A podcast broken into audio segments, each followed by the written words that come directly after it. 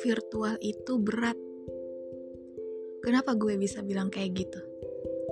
Karena emang udah terbukti setiap hari kita harus berhadapan dengan layar handphone hanya untuk mengetahui kabar dia.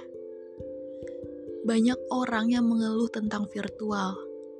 Ya, emang gak enak. Mau gimana lagi? Jalanin aja.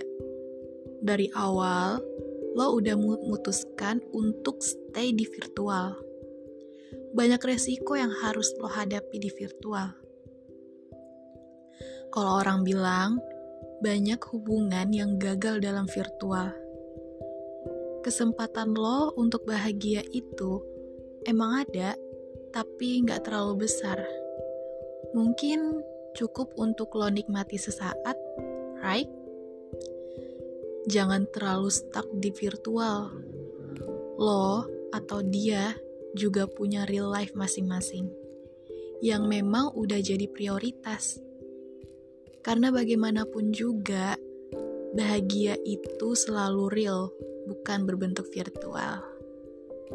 thank you